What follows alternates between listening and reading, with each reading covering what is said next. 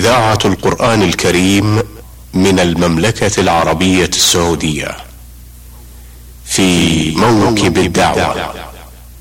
إعداد وتقديم محمد بن عبد الله المشوح. الحمد لله رب العالمين والصلاة والسلام الأتمان الأكملان على نبينا محمد وعلى آله وأصحابه وأتباعه إلى يوم الدين. أيها الإخوة والأخوات السلام عليكم ورحمة الله وبركاته. وحياكم الله في هذا اللقاء الجديد من برنامجكم في موكب الدعوة. بمزيد من الفخر والاعتزاز يسرنا أن يكون ضيفنا مع عالم جليل وداعية كريم عرفه الكثير من محبيه ومريديه ومن المستمعين إليه. والمستفيدين إلى أحاديثه وكلماته النافعة المباركة. إنه أصح أن يطلق عليه أحد أعمدة المسجد النبوي الشريف بدروسه العامرة ومواعظه المباركة النافعة. إنه العالم الفاضل والداعية المعروف أبو بكر جابر الجزائري. يسعدني ويشرفني أيها الإخوة والأخوات أن نستضيف فضيلته في هذا اللقاء المبارك. ضمن ضمن هذه السلسلة المباركة النافعة من لقاءات العلم والدعوة مع علمائنا ومشايخنا. ضيفنا الكريم قضى جل عمره في العلم والتدريس والمواعظ والتفسير وانتفع الجميع في كل مكان بهذه المواعظة المنشورة والمسموعة. في مطلع هذا اللقاء وقبل أن نستأثر بالحديث عنكم مع فضيلته أرفع جزيل شكري وتقديري إلى صاحب الفضيلة الشيخ أبو بكر على إتاحته هذه الفرصة لهذا اللقاء الذي نسأل الله عز وجل أن يكون فيه النفع والفائدة للجميع. في مطلع هذا اللقاء حياكم الله شيخ أبو بكر. الله يبيهيكم ويفتح عليكم ويجزيكم خيرا عن الإسلام والمسلمين. آه، شيخ أبو بكر الحقيقة في مطلع كل لقاء من هذه اللقاءات المباركة نستمع في بداية الحديث لنعود إلى الوراء قليلا أو إن شئتم فقولوا كثيرا. لنستمع إلى البدايات الأولى لنشأتكم وحياتكم. أين كانت فضلة الشيخ؟ نشأتي وحياتي الأولى كانت في الديار الجزائرية في صحراء الجزائر. فدرست هناك وتعلمت. ثم انتقلت إلى العاصمة مدرسا في مدرسة أهلية تسمى المدرسة الجلالية تابعة لسماحة الشيخ العقبي الطيب العقبي خريج المسجد النبوي ومؤسس جريدة القبلة بمكة ثم أم القرى. رحمة الله عليه. تذكرون عام كم هذا كان يا شيخ؟ هذا كان كان عام بالتاريخ الميلادي. نعم. 48 نعم. 49 50 51 نعم. 52 نعم. ثم لما رأيت الأحزاب والجماعات مختلفة وتتطاحن فأصدرت جريدة سميتها الداعي. دعوت فيها إلى تكوين جماعة المسلمين. هذه الجماعة التي يقررها الفقهاء على المذاهب الأربعة. نعم. وهي إذا انعدم الحاكم بوفاته أو بعجزه فإن جماعة المسلمين تقوم مقامه في سد جوعة الجائع علاج المريض تعليم الجاهل توجيه الضال وهدايته. نعم. ولما لم تنجح الدعوة وقوبلت بالرفض قررت الهجرة من تلك الديار إلى المملكة. نعم. فهاجرت إلى المدينة النبوية سنة 72 هجري. حججت بأهلي ثم انتقلت في محرم إلى المدينة النبوية سنة 1373 ثم لما وصلت المدينة النبوية بدأت كعادتي ألقي دروس في المسجد النبوي ارتجالا. نعم. فمنعت لأنه لا رخصة لي نعم. ولا إذن لي. ولما منعت وشاء الله أن يزور جلالة الملك سعود المدينة النبوية. فقدمت له خطابا يدا بيد وهو في المسجد النبوي. فلما قدمت له الخطاب جاء الأمر بالإذن لي بالتدريس في المسجد النبوي. ثم اختبرت من طريق المحكمة وضعت لي أسئلة فقهية وعقادية فنجحت فيها فأعطيت رخصة بالتدريس في المسجد النبوي هي الآن محفوظة عندي. وواصلت التدريس في المسجد النبوي ثم دخلت أول مدرسة هي المدرسة أهلية للشيخ أحمد الهندي. ثم انتقلت بعد ذلك إلى المعارف. درستم في المدرسة الأهلية هذه؟ أي نعم. سنة. سنة. وانتقلت إلى المعارف فدرست سنة. نعم. ثم انتقلت إلى دار الحديث. بالمدينة النبوية وهي مدرسة أهلية. لكن دار الحديث آه، كانت آه، هل كان التدريس فيها يعني آه، في في بين افتتاحها أو كان افتتاحها سابق لذلك؟ كانت سابقة بكذا سنة. نعم.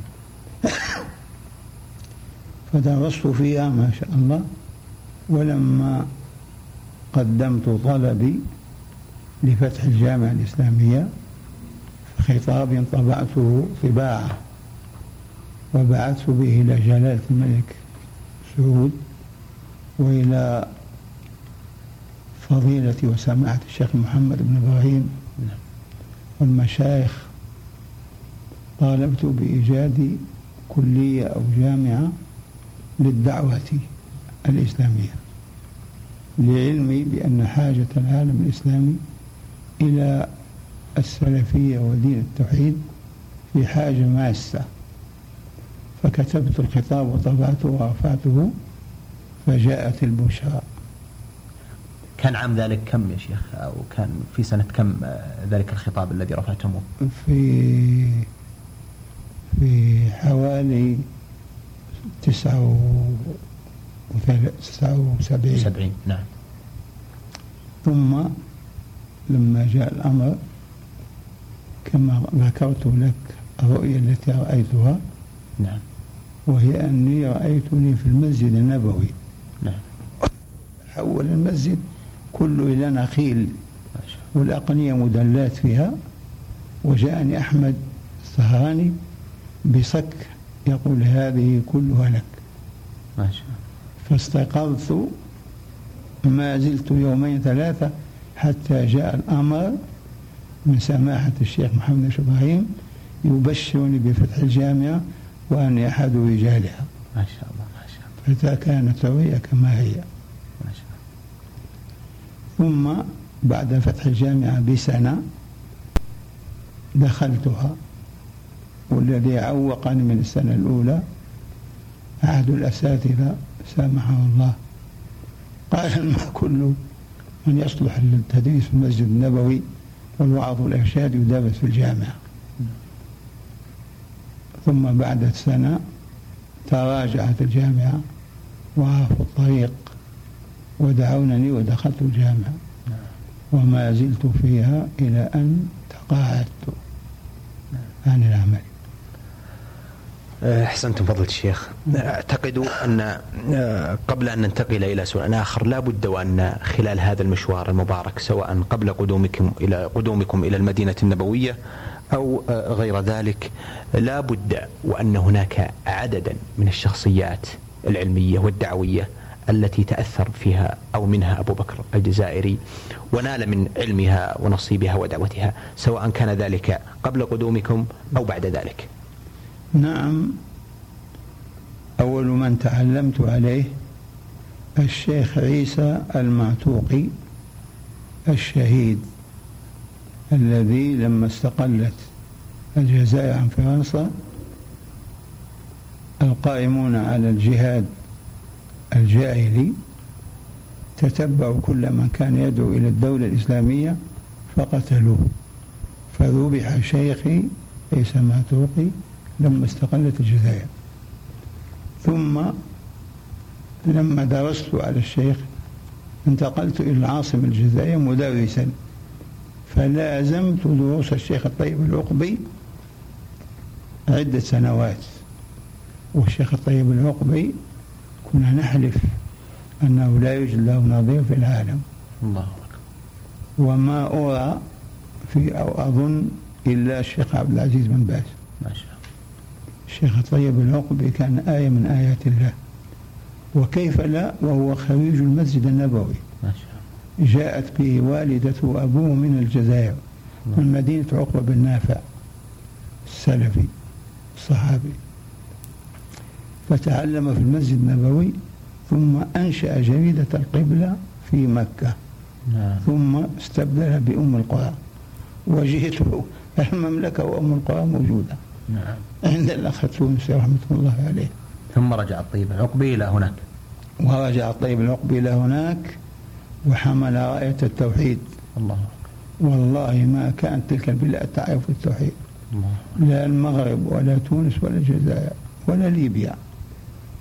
فالذي نشر دعوة التوحيد هو الشيخ الطيب العقبي كان له دروس معينة يا شيخ عنده محاضرة يومية أسبوعيا نعم. في نادي الترقي نعم. وكان يلقي أيضا دروس في المسجد الجامع الكبير نعم. وحاولوا قتله نعم. وقالوا وهابي ووقفوا في وجهه ولا بأس أن نقص محاولة قتله كيف كانت نعم. تفضلون بذكرها يا شيخ في المسجد في الجامع الكبير في العاصمة. نعم. شاب شاب في يده سلاح وأراد أن يضرب الشيخ الطويل العقبي في الدرس. فانكشف أمره فأخذ بالشرطة. والشيخ الطيب نجاه الله ما ضربه نعم. واستدعت المحكمة وانعقد الحكم والمحكمة حيث جمع قضاة من فرنسا كاملة وتداولوا القضية ومن كرامة الله لأوليائه. أن الشيخ الطيب قال لمحمد عكاشة من أمرك بقتل العقبي قال أمرني ميشيل رئيس الحكومة الجزائرية الفرنسي قال الله أكبر الله أكبر. وانطلق العقبي وعز عزا لا نظير له. الله أكبر. لأن آية من آيات الله. القضاة من كل أنحاء البلاد. وهم فرنسا ينتظرون الحكم. الذي يصدر على العقبي نعم. فإذا به يقول له من أمرك بقتل العقبي يقول فلان ميشيل. نعم. فرنسي.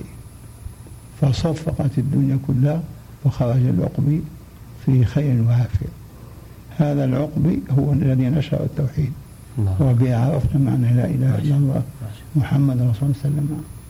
ومن ثم كون جمعية العلماء. نعم. ومن ثم انتشرت العقيدة السلفية بواسطة جمعية العلماء التي أسسها العقبي رحمة الله عليه ورضي عنه وأرضاه.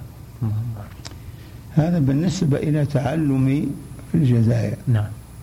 أما المملكة لما جئت كنت أجلس عند الشيخ محمد الخيال في بيته. نعم. وأجلس عند الشيخ سمعت الشيخ عبد العزيز بن صالح. نعم. في بيته. وجلست في مجالس عمر بن بري كذلك. نعم. ومجالس عبد الله التركي الشيخ محمد التركي. محمد التركي. لكن جلوس ما هو دائم يعني. نعم. فهؤلاء الذين جلست لهم واستفدت من جلوسي معهم. نعم. أثابكم الله فضل الشيخ. أه ودنا أيضا أن نتعرف على بدايات التدريس التي كانت في آه، الحرم النبوي. أه ما هي الكتب التي بدأتم بها؟ وكيف كانت طريقة التدريس في ذلك؟ والجدول الذي أعددتموه في آه، طريقة آه، تلك الدروس فضلة الشيخ.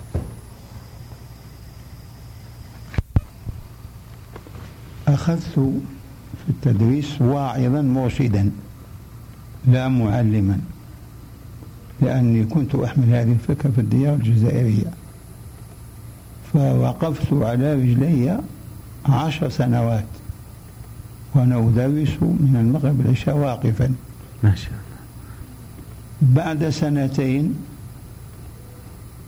أعطيت هذه الرخصة وهذا نصها. نعم. بناء على طلب الشيخ أبي بكر جابر الجزائري نرى الإذن له بإلقاء دروس دينية في المسجد النبوي وإجراء وبإجراء الاختيار له وإجراء الاختيار له من قبل الشيخين عبد المجيد حسن ومحمد الحافظ ورفعت ورفع نتيجة الأجوبة منا. منا إلى سماحة رئيس القضاء بخطأ بخط بكذا خطابنا. بخطابنا رقم كذا. 1375 1375 ف ورد الجواب؟ ف ف فقد ورد فقد الجواب. ورد الجواب. من رئيس القضاء برقم كذا بالموافقة. على السماح؟ على السماح له السماح للمذكور بإلقاء دروس دينية في المسجد النبوي على أن يبتدئ في تدريسه بمختصر بمختصرات كل فن فيتدرج منها إلى تدريس المطولات نعم. لذا جرى تحرير تحرير هذا الإذن له وقية المذكور بتقوى الله عز وجل على قيام على إفهام الناس. العقيدة السلفية على تحقيقها وما هو الواقع. وما هو الواقع. نعم. رئيس المحكمة المحكمة الدولة الشرعية بالمدينة محمد صالح عبد العزيز بن صالح. نعم. فبناء على هذا بدأت تدريسي بالوعظ والإرشاد. ثم انتقلت إلى دراسة الحديث. فدرست كتاب الحديث النووي. كتاب الحديث النووي. نعم. و الأربعين. النووية. ثم بعد ذلك انتقلت إلى التدريس إلى تفسير كتاب الله. نعم فكنت ما بين الكتاب والسنة لا أزيد ولا أنقص. قال الله قال رسول الله صلى الله عليه وسلم طيلة ما درست في المسجد النبوي. نعم. ما درست إلا قال الله قال رسول القرآن والسنة. أحسنتم يا شيخ. أه، بودنا أيضا أن أه، نتعرف أه، على جانب مهم من حياتكم فضيلة الشيخ. وهو أن هذه الدروس المباركة التي كنتم تلقونها كان لها اهتمام واضح. بمنهج آه، سلكه الشيخ أبو بكر الجزائري وهو الاهتمام بتصحيح عقيدة الناس وترسيخ التوحيد الذي يجب أن تبنى عليه القلوب ويصلح الناس من بداية هذا الأمر وهو عقيدتهم. آه، فضلة الشيخ أبو بكر بودنا أن, أن نتعرف على الأهمية التي تولونها لتدريس العقيدة وترسيخها في نفوس الناس. العقيدة هي بمثابة الروح للإنسان. من فقدها فهو ميت. العقيدة السليمة الصحيحة قد عقيدة الكتاب والسنة بمثابة الروح. فلهذا لا يصح العدول عنه بحال. فدرست العقيدة بناء على كتاب الله وسنة رسوله صلى الله عليه وسلم. ومما أذكر أنني ألفت رسالة في تلك الأيام الأولى.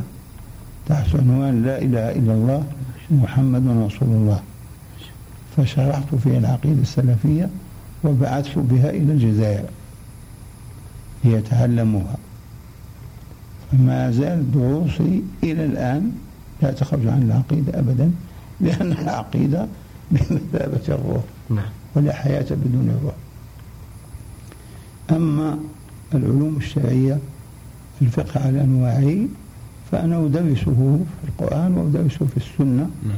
صحيح البخاري من سنين وكتبت منهاج المسلم وأدرسه عقيدة المؤمن ودرستها كم من مرة وما زلت مع هذا إلى الآن والحمد لله.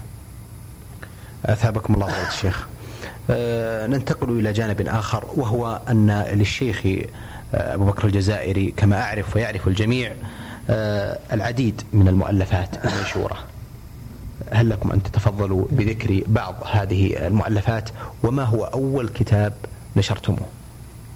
المؤلفات الكتب التي هي في مجلد مجلدات هي كتاب منهاج المسلم عقيدة المؤمن هذا الحبيب محمد رسول الله يا محب. آه، التفسير أيسر التفاسير هذه كتب. وأما الرسائل فقد تجاوزت المئة. والخمس عشر رسالة. ما شاء الله. هي الآن في خمسة مجلدات. ما شاء الله. طبعت جميعا؟ طبعت جميعا وضمت إلى بعضها البعض. باسم رسائل الجزائر. رسائل الشيخ الجزائري. نعم. والرسالة الأولى كما قلت لكم هي لا إله إلا الله نعم. محمد رسول الله. ما شاء الله. ثم رسالة بعدها مباشرة كيف نصوم؟ كنا ندرس الصيام في رمضان في المسجد النبوي فألفنا هذه الرسالة. لكن آه، شيخ أبو بكر لو سألناكم أحب هذه الكتب إليكم وأقربها إلى نفوسكم والله يا بني ما كتبت رسالة إلا عند الشعور الملح بأنه يجب أن تكتب هذه الرسالة. والله ما كتبت رسالة إلا من أجل الضرورة الداعية إلى ذلك. في هذه الرسائل كلها. أول قد يكون القصد كتاب رأيتم له أو رسالة لها أثر كبير في إصلاح الناس وفي دعوتهم وتأثر بها الكثير من من من قرائها. على كل حال منهاج المسلم جمعت به بين الأئمة الأربعة. لأني كنت على الكرسي يسألني السائل يقول أنا مالكي ما حكم كذا أقول قل أنا مسلم. يأتيني حنفي يقول أنا حنفي ما حكم كذا أقول قل مسلم. يأتيني حنبلي شافعي ووجدت الأمور متفرقة ومختلفة ويجب جمعها وضمها في كتاب واحد. هذا السبب الذي ألفت في منهاج المسلم. والله لولا منهاج المسلم ما كان الحنفي يقرأ كتاب مالكي. ولا رأينا مالك يدرس كتاب حنفي أبدا. علماء كبار. نعم. قل له كان مذهبي كذا. نعم. لكن لما ألفت هذا الكتاب وانتشر في العالم وترجم إلى اللغات الإنجليزية والفرنسية واللغزية فقد أصبح في يد العالم الإسلامي. هذا منهاج المسلم. ثم الرسائل أردت فيها على المبتدعة وعلى الضلال وعلى الهدامين والذين لا عقول لهم المتورطين في الجهل وهي متنوعة وأحسن ما قدمت فيما أعلم أيسر التفاسير لكتاب الله عز وجل نعم. أربع مجلدات ثم أضفت إليه نهر الخير فصارت مجلدات خمسة. فأصبح كافيا. أي مأموم يريد أن يعرف معنى آية في كتاب الله أو حكمها يجده في هذا الكتاب بدون علا ولا مشقة. أحسنتم فضيلة الشيخ أه، بودنا أيضا في الحقيقة أن نتعرف على المنهج الذي سرتم عليه في آه، تفسير كتاب الله سبحانه وتعالى والذي آه، كما أعلم أنكم ختمتم فيه تفسير القرآن الكريم أكثر من أربع مرات. وطبع جزء كبير منه. في أيسر التفاسير الطريقة التي تنهجونها في تفسيركم هذا شيخ.